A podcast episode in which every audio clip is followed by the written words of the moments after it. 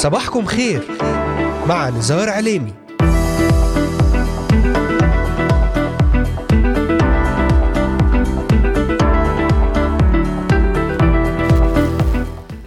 السابع عشر من شهر أكتوبر تشرين الأول للعام 2023 المستمعات والمستمعون صباح الخير.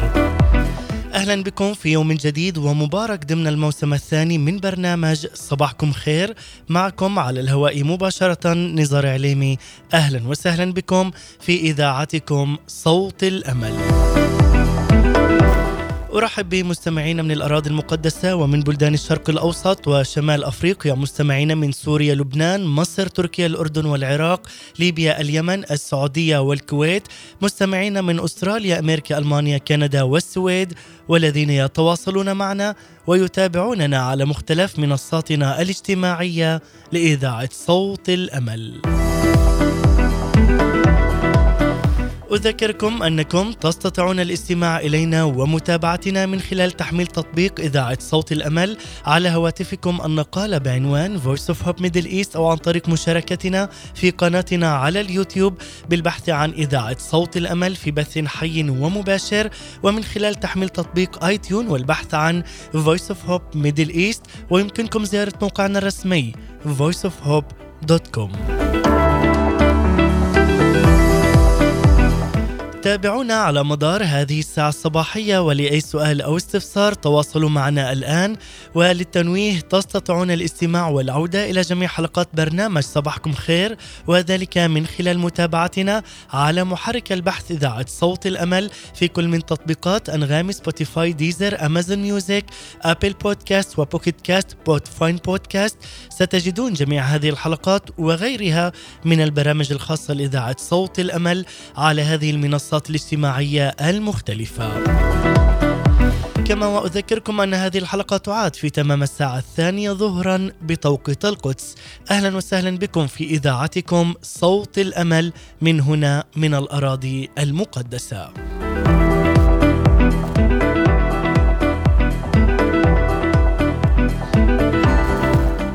لا يمكن لأي مقدمة كما عودناكم في بداية كل حلقة جديدة من برنامج صباحكم خير ان تفي بحقها وما بداخلي. ولكن كلمة السيد الرب يسوع المسيح هي الأقوى وبها الرجاء والتعزية. نتغلب بها على أي صعاب ومخاطر ودمار فقط من خلال اللجوء إلى اسم يسوع المسيح الذي هو البرج الحصين الذي نركض إليه ونتمنع كي نتحصن به. لأنه هو الصخر المتين هو إله كل الدهور وهو ضابط الكل وفوق الكل وله الكلمة الأخيرة لأنه هو صاحب السلطان الأعظم. لنعلن قلب الملوك في يد الرب كجداول مياه لنعلن سلاما على الشرق والغرب سلاما على الشمال والجنوب لنعلن مجد يهوى القدوس ليغطي كل الأرض لأن الأرض لا تتسع لإله آخر سوى الإله الحي يسوع المسيح. الكل يخضع لك بالكامل ولمشيئتك أيها السيد الرب الجبار لنعلن بأفواهنا ومن أعماق قلوبنا متحدين بصوت واحد مع فريق للرب نرنم هذه الكلمات بقوة الروح القدس ونعلنها على أرضنا نعلنها على شعبنا وشعوب العالم أجمع.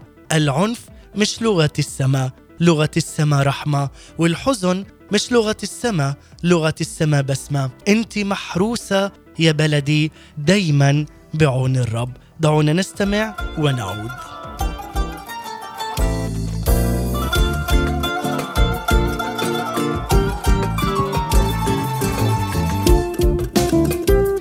اعلن معنى هاي الكلمات على حياتك على أولادك على شعبك وبلدك. الحماية الإلهية على بلدنا. العنف مش لغة السماء لغة السماء رحمة. والحزن مش لغة السما لغة السما بسمة. اللي هدانا لرحمته ودعانا بالكلمة. وفي كل يوم يرعى البشر بالفضل والنعمة. لغة السما رحمة. حسن الزيتون مرفوع عالي في ايدين الشعب.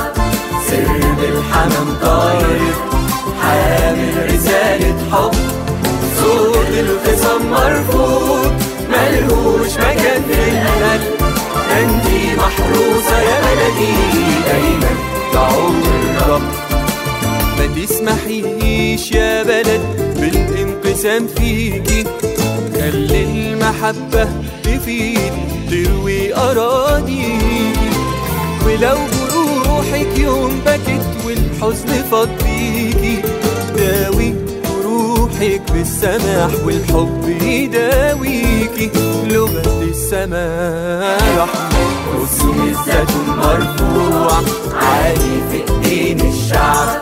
سر الحمام طاير حامل رسالة حب. صوت الخصام مرفوض ملوش مكان في القلب ده انتي محروسة يا بلدي دايما بعون الرب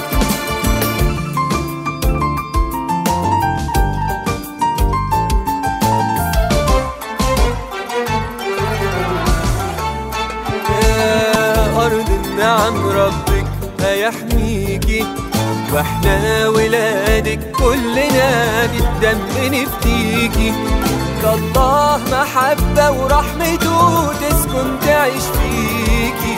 تملى القلوب بالدفا والحب يغنيكي. لغة السماء رحمة.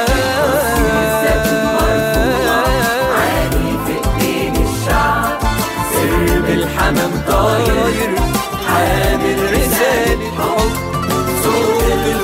مرفوع ملوش مكان في القلب ده انتي محروسة يا بلدي دايما بعون الرب. ده انتي محروسة يا بلدي دايما بعون الرب. ده انتي محروسة يا بلدي دايما بعون الرب. أنتم تستمعون الآن لبرنامج صباحكم خير مع نزار عليني.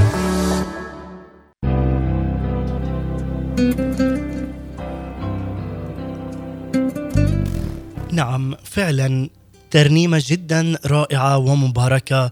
املى القلوب بالدفى والحب يغنيكي خلي المحبة تروي أراضيكي محروسة دايما يا بلدي بعون الرب.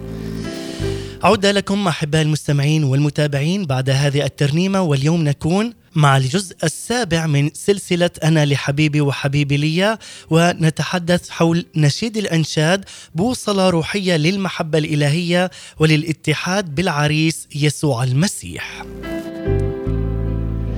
نعم أحبائي بعد هذه الترنيمة الرائعة نصلي فعلا ليروي السيد الرب يسوع المسيح بمحبته هذا العالم الذي يفتقد للمحبة وما نصلي له بأن يعم السلام وتفيض المحبة والرحمة الإلهية على شعبنا على بلداننا وخاصة على الأراضي المقدسة وفي بلدان الشرق الأوسط والعالم أجمع.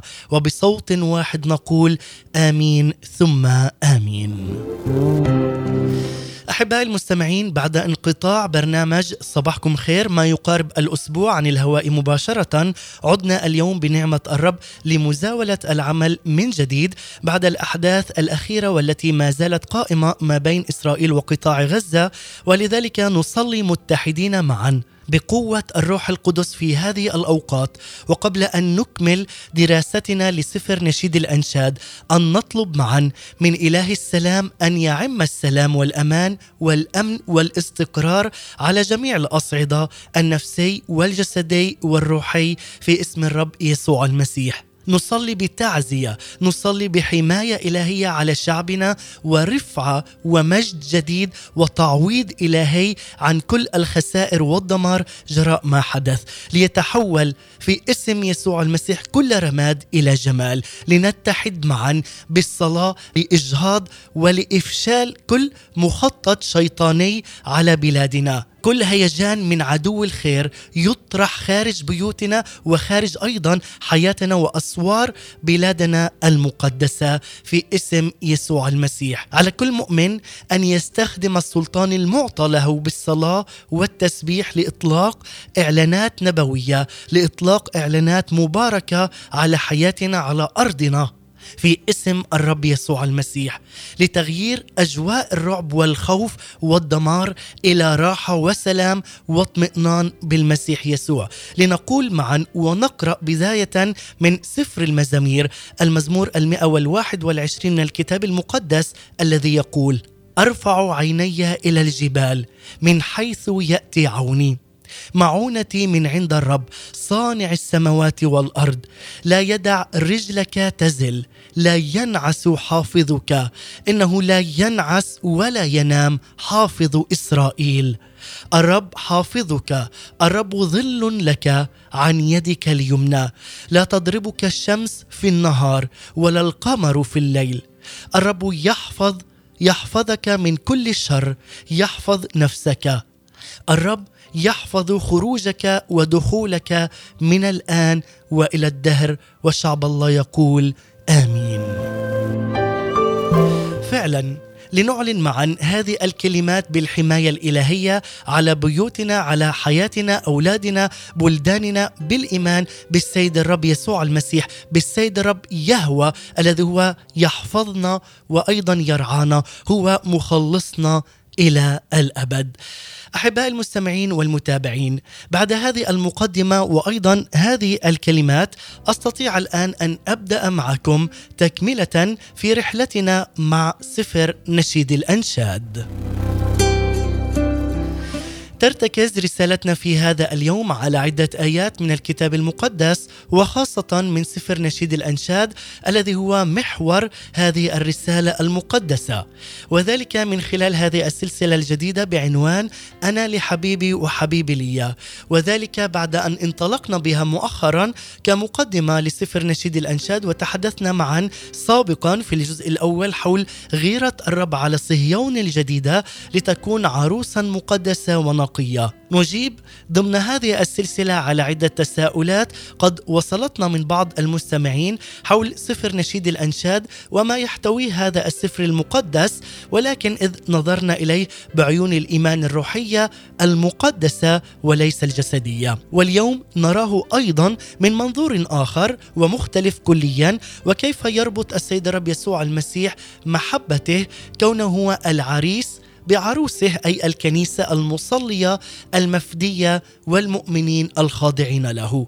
في الجزء الثاني تحدثنا سابقا حول نشيد الأنشاد هو سفر الحب الحقيقي بين الرب وخليقته هذا حبيبي وهذا خليلي وغصنا معا في أعماق سفر نشيد الأنشاد أو سفر نشيد الأناشيد كما هو متعارف عليه واستكشفنا معا الرسالة السماوية المقدسة بدءا من الإصحاح الأول بآياته ومصطلحاته الروحانية العميقة جداً.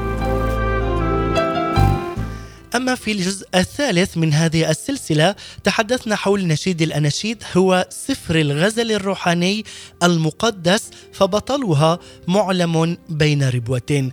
أكملنا بهذا الجزء حتى نهاية الإصحاح وأيضا أكملنا معا في الجزء الرابع ودخلنا في أعماق جديدة مع الإصحاح الثاني من سفر نشيد الأنشاد وتحدثنا حول رباط الحب المقدس بالعريس يسوع نرجس شارون سوسنة الأودية والكنيسة المنتصرة. وكان ذلك أيضا من الآية الأولى حتى الآية السابعة.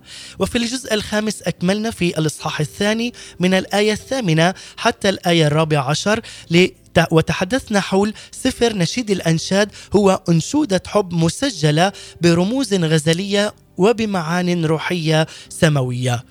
أكملنا فيما بعد الجزء السادس من هذه السلسلة وختمنا الإصحاح الثاني. تحدثنا حول نشيد الأنشاد يعطينا مفهوما جديدا للمحبة الإلهية شماله تحت رأسي ويمينه تعانقني. وبدأنا معا بالإصحاح الثالث ومن سفر نشيد الأناشيد وتعمقنا في الآية الأولى حتى الآية الخامسة.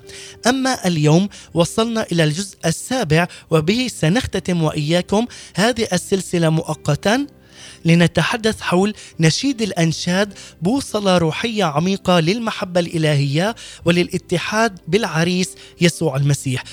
سنكمل معا هذا الإصحاح الثالث بتفاسير جديدة لآياته من الإصحاح السادس حتى نهاية الإصحاح أي وصولا إلى الآية الحادية عشر لنكشف معا عن مصطلحات جديدة يخاطبنا بها السيد الرب يسوع المسيح. ونختتم بهذا الجزء السادس والأخير لكي نكمل يوم غد في برنامج صباحكم خير بالصلوات والترانيم لأجل الأوضاع القائمة في بلدنا في الأراضي المقدسة لنصلي حماية إلهية على أراضينا على بلداننا على شعبنا على نفوسنا على أرواحنا وأيضا على أولادنا حماية بالكامل في اسم رب المجد يسوع المسيح. والآن أحبائي نكمل معا في هذا الجزء ونقول فعلا أن هذه السلسلة أنا لحبيبي وحبيبي لي نستمع أيضا من خلال هذه السلسلة لبعض الآراء والأفكار على الهواء مباشرة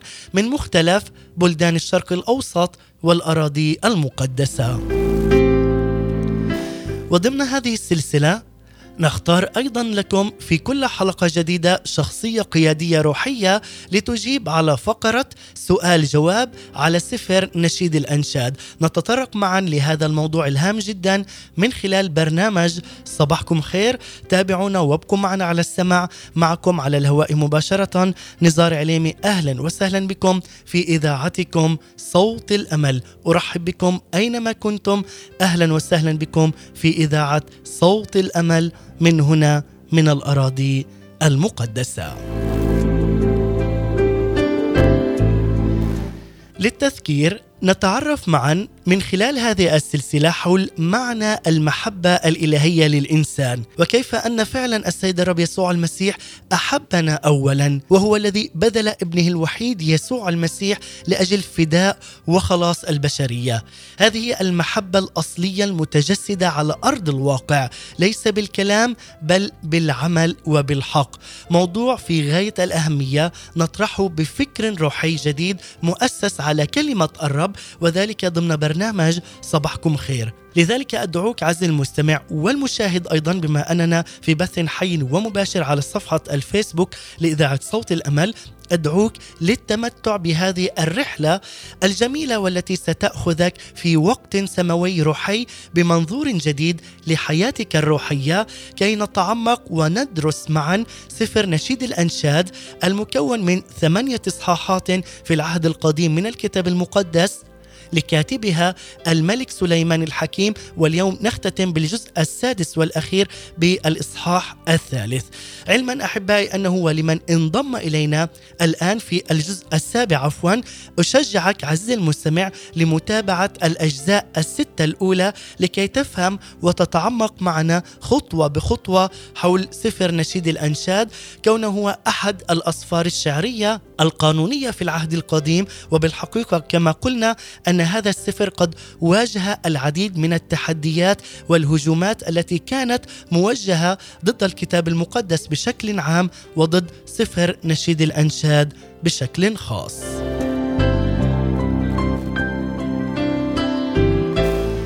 دعونا نقرأ الآن الإصحاح الثالث وتعريفه من الآية السادسة حتى الآية الثامنة الآية السادسة التي تقول من هذه الطالعة من البرية كأعمدة من دخان معطرة بالمر واللبان وبكل أذرة التاجر ويكمل في العددين السابع والثامن يقول هو ذا تخت سليمان حوله ستون جبارا من جبابرة إسرائيل. كلهم قابضون سيوفا ومتعلمون الحرب. كل رجل سيفه على فخذه من هول الليل. نعم والآن نأتي أحبائي بشرح هذه الآيات الرائعة والعميقة روحيا جدا. بعد أن تقابلت هنا النفس مع الحبيب طلبت ما هو فوق فأصبحت حياتها العروس حياتها سماوية مباركة. هذه هي ثمرة علاقتنا مع المسيح يسوع له كل المجد الذي أقامنا معه وأجلسنا معه في السماويات. وصارت هنا العروس أي الكنيسة أو المؤمنين أنا وأنت في اسم يسوع المسيح نشتهي فعلا أن ننطلق وأن نكون معه لأن ذلك أفضل بنظرنا. العريس وهو يسوع المسيح في فرحه بها يقول من هذه الطالعة لكي يشجعها؟ فإذا هي بعد على الأرض صارت تشتاق للسماء بل تحيا حياة سماوية ومقدسة. عندما ندخل بعلاقة جدية بعلاقة سماوية مباركة ومقدسة مع الإله الحي يسوع المسيح تكون حياتنا فعلا ملتصقة التصاقا تاما بالعريس الحبيب يسوع المسيح. وقد تكون أيضا عبارة من هذه الطالعة هي فرحة السمائيين بالتوبة. عموما ففرحة السمائيين بالنفس التائبة هي ترديد لفرحة العريس. كل تائب وكل من يعود إلى حضن الله الآب يفرح به فرحا عظيما. ويقول وهي طالعة من البرية أي من برية هذا العالم من مشاكل هذا العالم هو الذي يصعدنا من برية هذا العالم لكي نحيا في السماوات الإلهية ونحيا أيضا معه.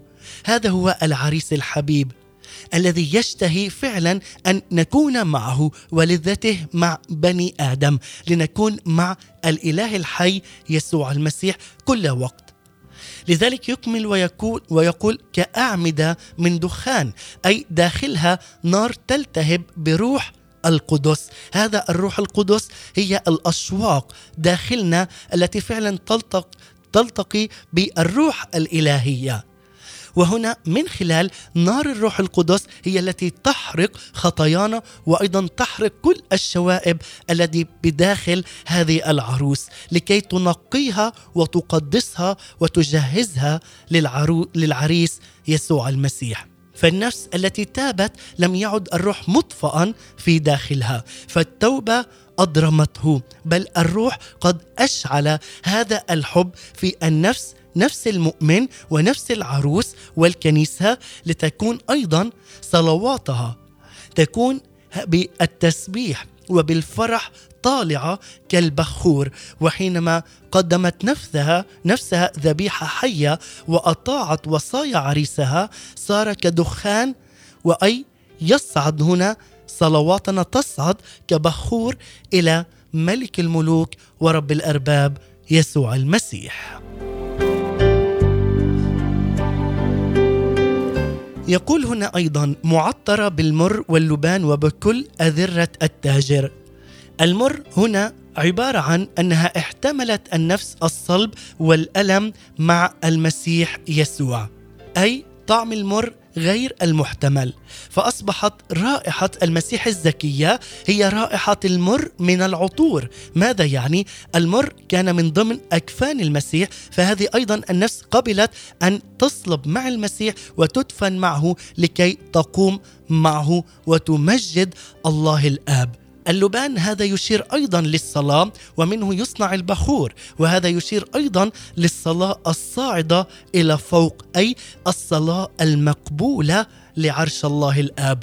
أذرة التاجر أي الفضاء التي تحلت بها النفس البشرية والتي تعلمت الصلاة وقبلت صلب وموت وقيامة يسوع المسيح لذلك أذرة التاجر هي كل الأصناف المعطرة من عند العطار وهي إشارة أيضا لتنوع الفضائل من المحبة الوداعة التواضع وهي أيضا ثمار الروح القدس التي تعمل في حياة المؤمن. لذلك الصلاة هي الصلة مع الله القدوس ومن يمسك بالله يرتعب إبليس منه لأنك أنت تحمل سلطانا عظيما تحمل سلاحا قويا وهو الكتاب المقدس كلمة الله التي ترعب مملكة إبليس. عندما تقول في اسم يسوع المسيح تأكد أن هذا المرض قد شفي. عندما تعلن اسم يسوع المسيح هذا الرماد يتحول إلى جمال. هذا الاسم الذي به سلطان عليك أن تستخدمه عزيزي المستمع تستخدمه وتفعله في حياتك الروحية في كل يوم. أن تصلي أيضا لحياتك لبلدك أولادك. صلي في اسم يسوع المسيح. كل مؤامرات العدو وكل مؤامرات إبليس لن تنجح. ونفشل كل مخطط العدو لكي لا يقترب إلينا ولا يقترب إلى أرضنا. نعلن حماية إلهية على أراضينا. نعلن حماية وسلطان السيد الرب يسوع المسيح على بلداننا على حياتنا على أجسادنا وأيضا على أرواحنا وبيوتنا وأولادنا. يقول هنا أيضا في الآية السابعة هو ذا تخت سليمان حوله ستون جبارا من جبابرة إسرائيل. هنا هذا التخت هو إشارة للصليب الذي كان عليه رب المجد يسوع المسيح مصلوبا في الظاهر هنا فعلا كان قوة للحرب أي يسوع المسيح الذي فعلا حارب من أجلنا من أجل غفران خطايانا بالكامل وبه انتصر على العدو وهو إبليس. لذلك أيضا نسمع يعقوب في نبوته عن المسيح عندما قال جثى وربط كأسد وكلبؤا.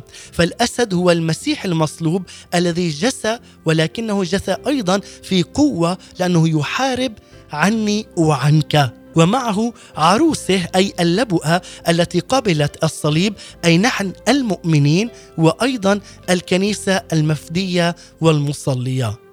يقول أيضا كستون جبارا فنحن فعلا جبابرة بأس بالمسيح يسوع. به نغلب إبليس ونغلب العدو بقوة دم المسيح له كل المجد. فعلا أن نحارب ونجاهد بالكلمة التي هي سلاح أقوى من سيف ذي حدين. لذلك عزيزي المستمع أن تأتي وأن تحتمي بقوة الكلمة. أن تظلل على حياتك وأن تظلل على أفكارك على تصرفاتك وأيضا على بيتك وأولادك. في الآية الثامنة يقول كلهم قابضون سيوفا ومتعلمون الحرب. كل رجل سيفه على فخذه من هول الليل. هنا من هول الليل عبارة عن هول الخطايا وضغط شهوات الجسد التي يثيرها فينا عدو الخير إبليس والتي تأتي في الظلمة لأن الظلمة هنا تشير إلى الخطية. فحربنا ليست مع دم ولحم بل مع رؤساء ولاة العالم مع السلاطين. لذلك هنالك آلام ربما تكون أيضا جسدية وروحية. لذلك عليك أن تتعلم بكلمة الله وأن تحارب بكلمة رب المجد يسوع المسيح. هو الذي أعطانا أسلحة مباركة كالإنجيل. الخبر السار وهو أيضا الذي بين أيدينا الكتاب المقدس الذي هو يعلمنا الخير والبركة. هذا هو الكتاب المقدس الذي يعلمنا به رب المجد يسوع المسيح. أن نعلن كلام السيد الرب يسوع المسيح على حياتنا على أفكارنا على أرواحنا وأيضا نعلن دم المسيح على أولادنا وعلى بلداننا. لنعلن أيضا أنه هو الذي يحارب عنا. ونعلن أيضا أن هو السيد الرب المنتصر والغالب. لنعلن معا قوة وبركة رفعة ومجد جديد على حياة كل من يتكل على رب المجد يسوع المسيح. يقول أيضا متعلمون الحرب هذا عمل الروح القدس الذي يعلمنا يذكرنا بكل ما قاله السيد الرب يسوع المسيح. يقول أيضا لهذا الاستعداد الدائم أن نستخدم هنا هذه الكلمات من الكتاب المقدس انظروا اسهروا وصلوا لأنكم لا تعلمون متى يكون الوقت. اسهروا وصلوا لئلا تدخلوا في تجربة. المسيح هو الذي يقودنا في أي معركة معركة روحية فهو الغالب. هو الأسد الخارج من سبط يهوذا. هو الذي يغلب دائما وينتصر. ونحن أيضا ننتصر إذ تمسكنا وتعلقنا بالسيد الرب الإله الحي يسوع المسيح. أحباء المستمعين والمتابعين دعونا الآن ننتقل لفقرة سؤال جواب على سفر نشيد الأنشاد واليوم اخترنا لكم خدام الرب المباركين الأخ عياد ظريف والدكتور فريد زكي. وماذا قال عن سفر نشيد الأنشاد وخاصة الإصحاح الثالث بآياته المباركة؟ دعونا نستمع وإياكم إلى فقرة سؤال جواب ومن ثم نعود لنكمل معا من سفر نشيد الأنشاد الإصحاح الثالث في الجزء السابع والأخير. ابقوا معنا.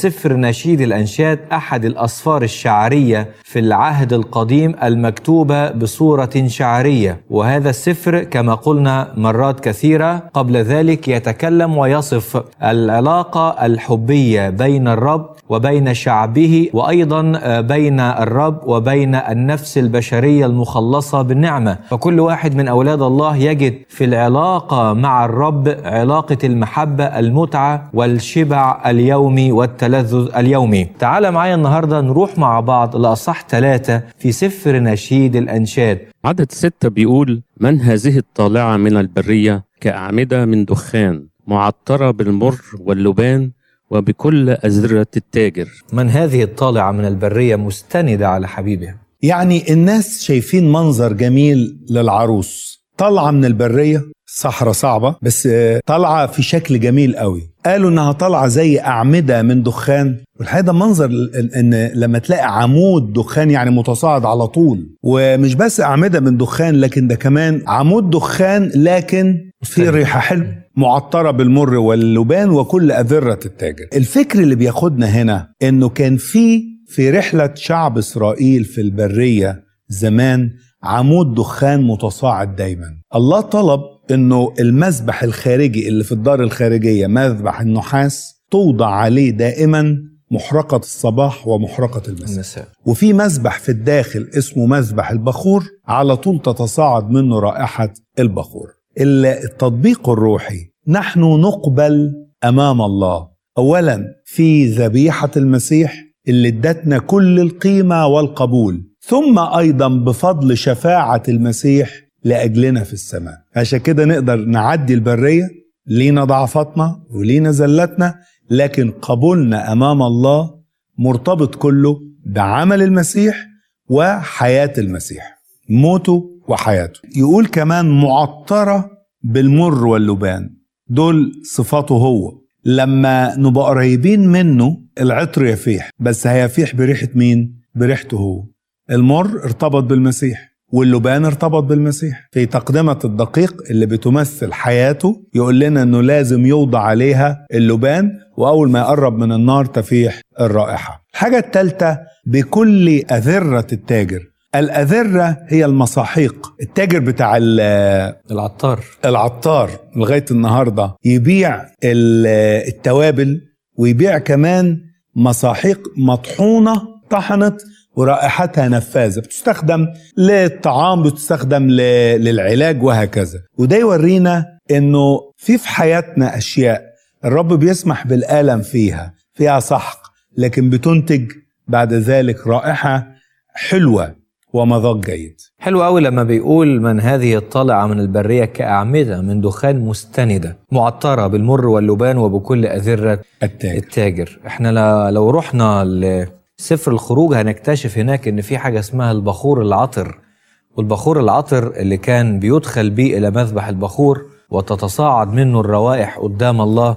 نفس المكونات ديت وكأن النفس اللي بتشبع بالرب في السر وفي الشركة إذا طلعت قدام الناس لابد أن الرائحة تظهر أمام الناس. تمام. عرفوه أنه كان مع يسوع. مع يسوع. لما نروح لعدد سبعة يقول هوذا تخت سليمان حوله ستون جبارا من جبابرة إسرائيل كلهم قابضون سيوفا ومتعلمون الحرب كل رجل سيفه على فخذه من هول الليل.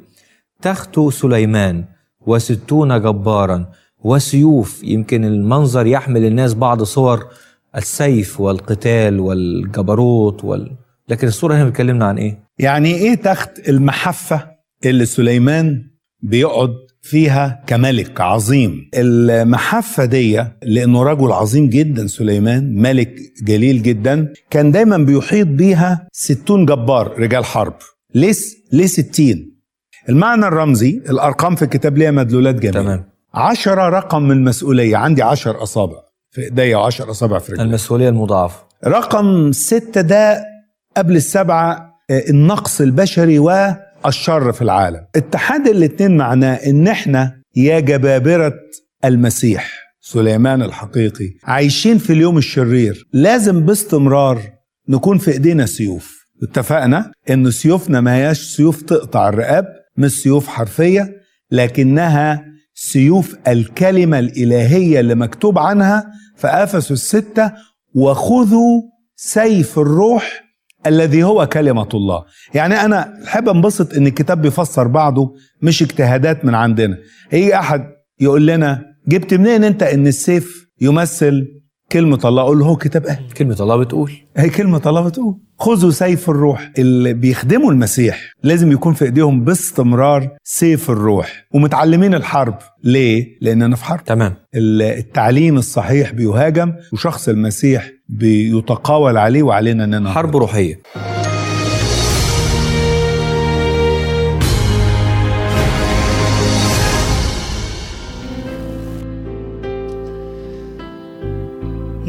فعلا أحباء المستمعين والمتابعين هذه كانت فقرة سؤال جواب والرب يبارككما في اسم الرب يسوع المسيح لهذا الشرح الوافي جدا مع الأخ عياد ظريف والدكتور فريد زكي وخاصة حول موضوع عمود الدخان والتشبيه هنا عندما قال من هذه الطالعة من البرية كأعمدة من دخان أي هنا العلاقة ما بين أعمدة الدخان الذي يتحدث عنها سليمان الحكيم وبين التشبيه بمذبح البخور ورائحته وتطبيقه لأننا نقبل أمام الله في ذبيحة المسيح الحية المقدسة التي أعطتنا القيمة والقبول لكي نعدي أي برية في حياتنا بقوة الدم المسفوك من خلال موت وحياة المسيح له كل المجد وكلما اقتربنا إلى عرش الله بالصلوات المقدسة الروحية النارية القوية ستصعد كرائحة بخور ويقبلها في اسم ابنه الحبيب يسوع المسيح. قبل أن نكمل دعونا أيضا نرنم مع المرنمة يوستينا سمير هذه الترنيمة الجديدة والرائعة ولأول مرة على إذاعة صوت الأمل ترنيمة أحسن برضاك نستمع إليها ومن ثم نعود لنكمل حول موضوع سفر نشيد الأنشاد. ابقوا معنا.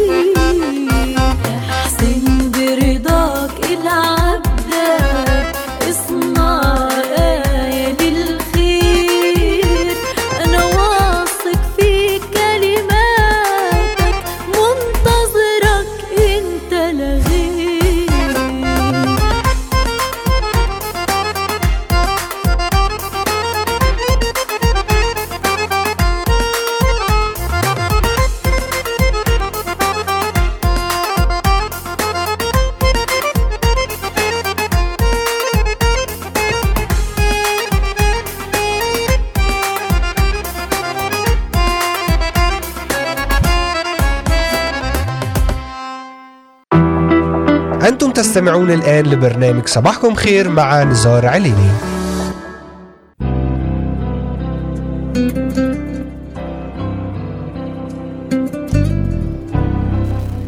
نعم عودة من جديد لكم أحباء المستمعين والمتابعين. بعد أن استمعنا ولأول مرة إلى هذه الترنيمة الرائعة مع المرنمة يوستينا سمير ترنيمة أحسن برضاك لعبدك. نعم نحن نثق بكلمات الرب ونثق أيضا بترتيب السيد الرب يسوع المسيح له كل المجد واليوم أحباء المستمعين والمتابعين نتحدث ضمن الجزء السابع من سلسلة أنا لحبيبي وحبيبي لي واليوم نتحدث حول نشيد الأنشاد بوصلة روحية للمحبة الإلهية وللاتحاد بالعريس يسوع المسيح من خلال الإصحاح الثالث.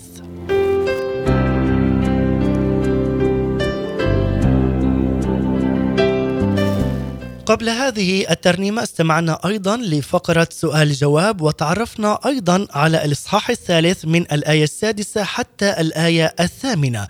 والآن نكمل معا في الإصحاح الثالث من الآية التاسعة حتى الآية الحادية عشر. لنختتم في هذا الإصحاح في هذا اليوم لنكون يوم غد مع أيضا كما قلنا ضمن برنامج صباحكم خير مع الصلوات والترنيم ساعة على الهواء مباشرة على إذاعة صوت الأمل ضمن برنامج صباحكم خير لنصلي للأراضي المقدسة وأيضا للأوضاع التي نمر بها.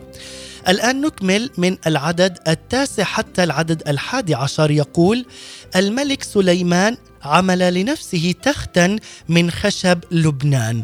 عمل أعمدة أعمدته فضة وروافده ذهبا ومقعده أرجوانا ووسطه مرصوفا محبة من بنات أورشليم اخرجنا يا بنات صهيون وانظرنا الملك سليمان بالتاج الذي توجته به أمه في يوم عرسه وفي يوم فرح قلبه.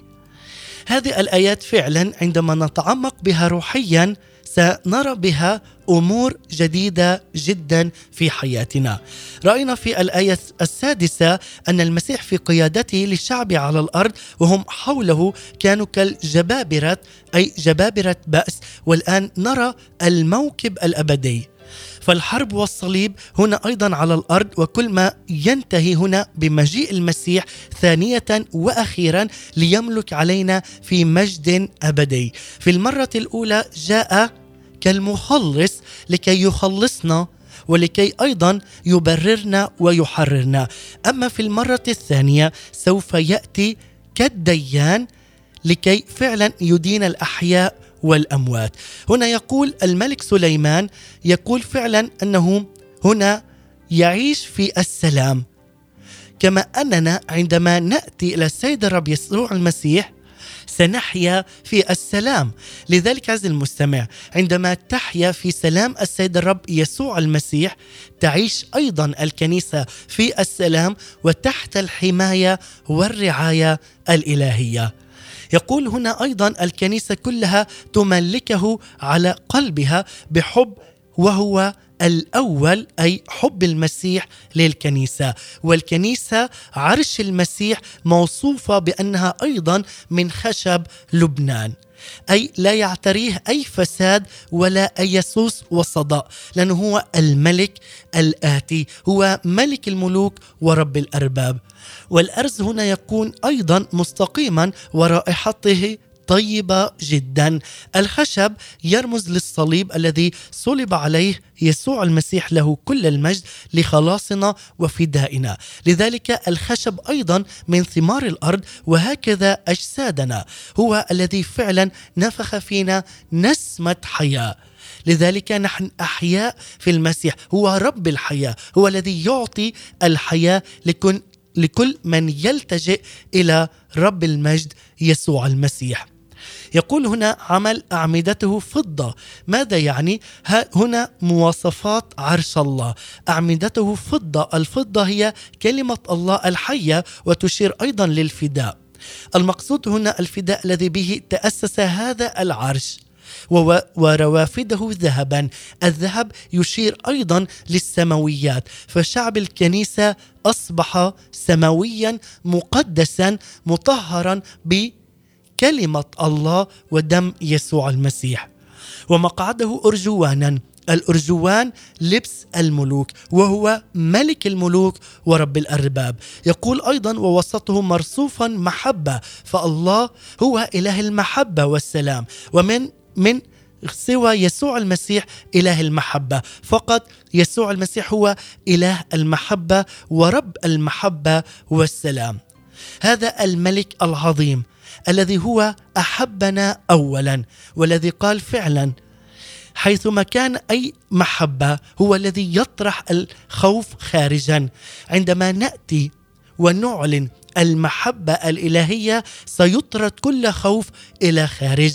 هو الذي أسس فينا أيضا المحبة والسلام. لذلك هو الذي يقول عنه سليمان الحكيم مرصوفا بالمحبة. يقول هنا اخرجنا يا بنات الصهيون وانظرنا الملك سليمان بالتاج الذي توجته به أمه في يوم عرسه وفي يوم فرح قلبه. هذه دعوة الكنيسة للعالم كله لكي يتمتع بذبيحة المسيح أي بفداء المسيح كمخلص وفادي على حياتنا.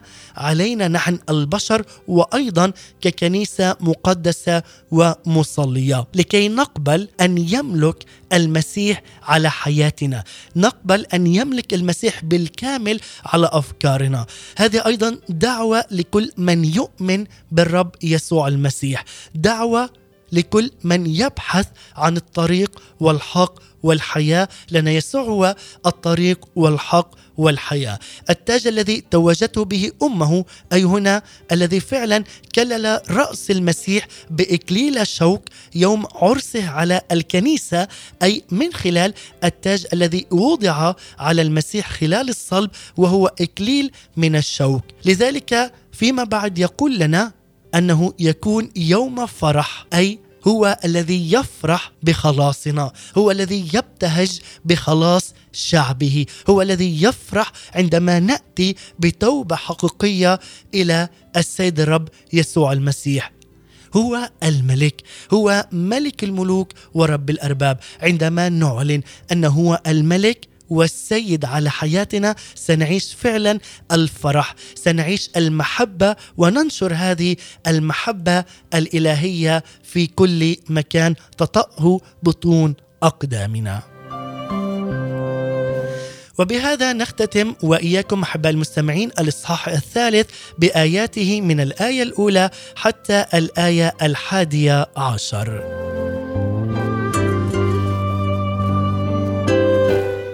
والآن دعونا ننتقل لفقرة آراء وأفكار مقدسة التي خصصناها لبرنامج صباحكم خير وتحديدا لسلسلة أنا لحبيبي وحبيبي لي لنتعرف أكثر حول آراء المستمعين. واليوم نكون مع الأخت المباركة سهر من سهر سعيد من المملكة العربية السعودية لنستمع إلى ما قالته وما يعني لها سفر نشيد الأنشاد لنستمع ومن ثم سنختتم. أما الآن نستمع لفقرة آراء وأفكار مقدسة. ضمن برنامج صباحكم خير مع نزار عليمي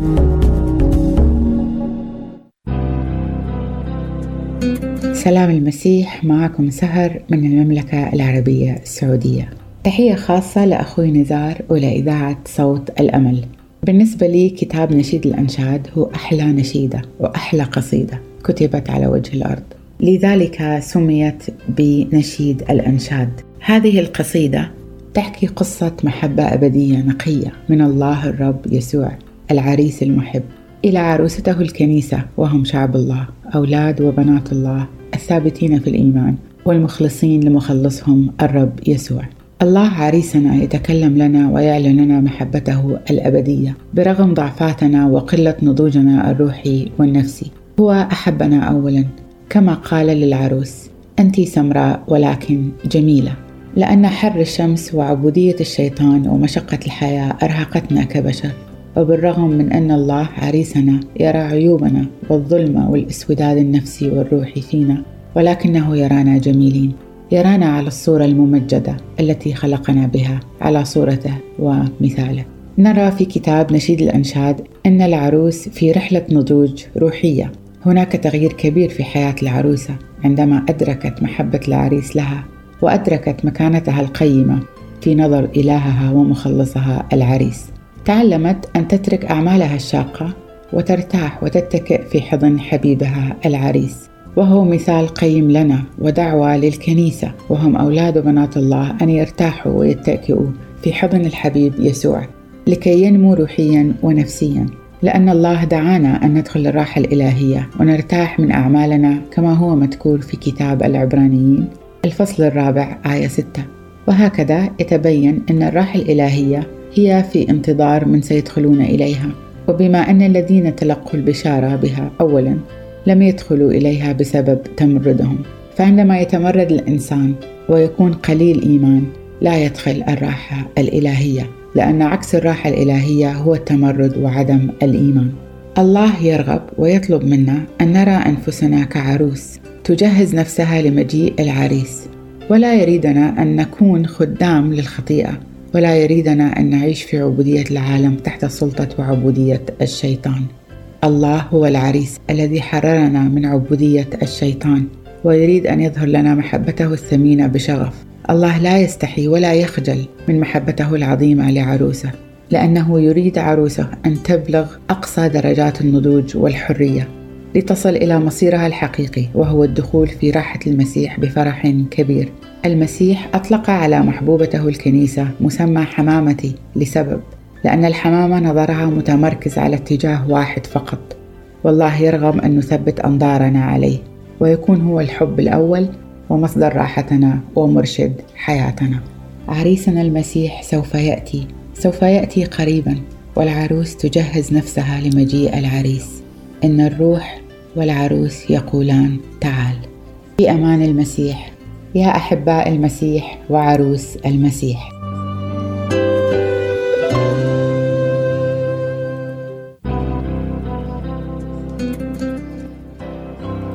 نعم فعلا أخت سهر ربي يباركك على هذه الكلمات المباركة والمشجعة والمعزية جدا لأولاد وبنات السيد الرب يسوع المسيح. نصلي لأجلك لتكوني خادمة مثمرة في حقل المسيح لجذب نفوس كثيرة لكي يتذوقوا معنى المحبة الإلهية التي تجلت من خلال صلب وموت وقيامة يسوع المسيح الذي هو أصل ورئيس المحبة والخلاص للبشرية دون تمييز. عن قريب جدا سنرى ربنا يسوع المسيح كما وعدنا أنه سيأتي سريعا ويقينا سيفي بوعده.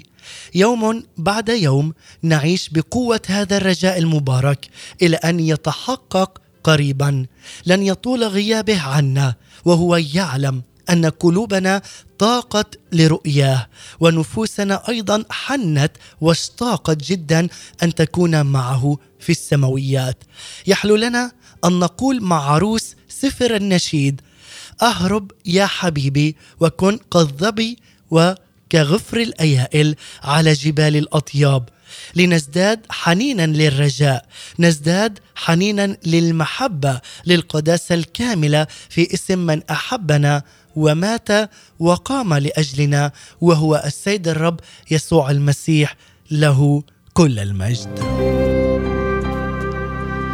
بهذه الكلمات أختتم وإياكم هذا سفر نشيد الأنشاد والجزء السابع من هذه السلسلة. وهام جدا لمتابعي إذاعة صوت الأمل وخاصة لبرنامج صباحكم خير. أعلن توقفي عن نشر سلسلة سفر نشيد الأنشاد. لنعود إلى السلسلة بنعمة الرب في الأشهر القريبة بعد أن تنتهي الحروبات وهذه الفترة العصيبة التي نمر بها لأننا نكون سنكون بدءا من يوم غد في كل الصباح ضمن برنامج صباحكم خير مع الصلوات والترانيم لأجل الشعوب والعالم أجمع ليعم السلام والأمن والأمان والاستقرار. سنصلي معا متحدين بقوة الروح القدس. أحباء المستمعين والمتابعين أيضا من خلال صفحة الفيسبوك على الهواء مباشرة. تابعونا وابقوا معنا وصلوا أيضا لأجلنا ولأرضنا ولبلداننا ونتحد بقوة الروح القدس وأن نصلي في اسم من أحبنا ومات لأجلنا وقام وهو رب المجد يسوع المسيح. هذه تحيتي لكم مني أنا نزار عليمي سلام المسيح ونختتم مع هذه الترنيمة الجديدة والرائعة باللي غالب لينا غلبة مع فريق الحياة الأفضل سلام المسيح وإلى اللقاء.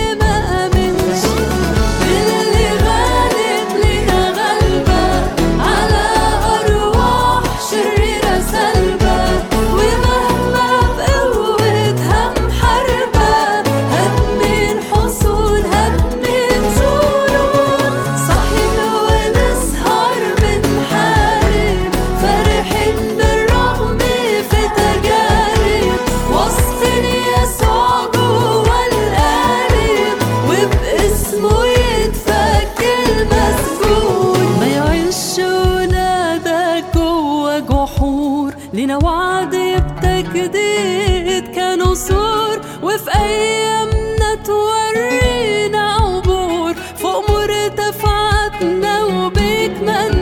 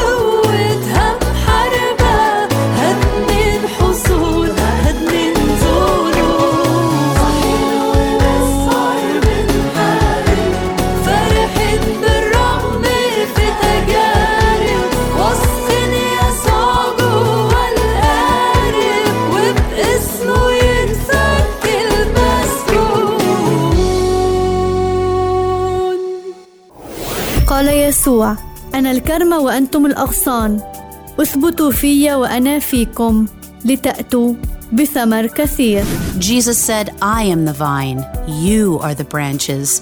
If you remain in me and I in you, you will bear much fruit. إذاعة صوت الأمل The Voice of Hope